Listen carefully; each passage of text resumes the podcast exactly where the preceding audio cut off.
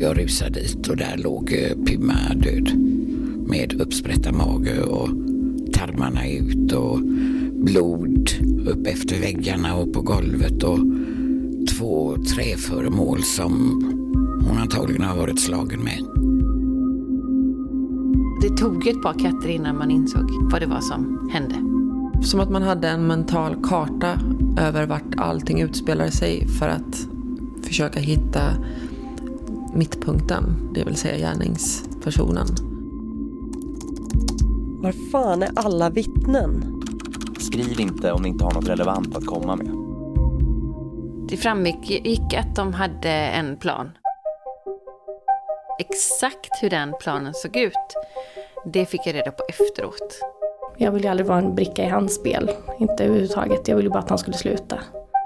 Ja, jag framstod nog som, ja, men lite som en galning under den här perioden. Och det var jag ju också. Fast eh, med rätt goda grunder skulle jag säga. Jakten på kattplågaren tillgänglig från torsdag den 9 april. Förhandslyssna redan nu på Podmi och stöd vårt arbete. En prenumeration av en mörk historia kostar 29 kronor i månaden.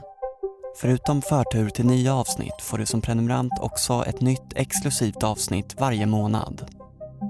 Gå in på podmi.com enmorkhistoria och bli prenumerant så kan du lyssna nu direkt på hela dokumentären.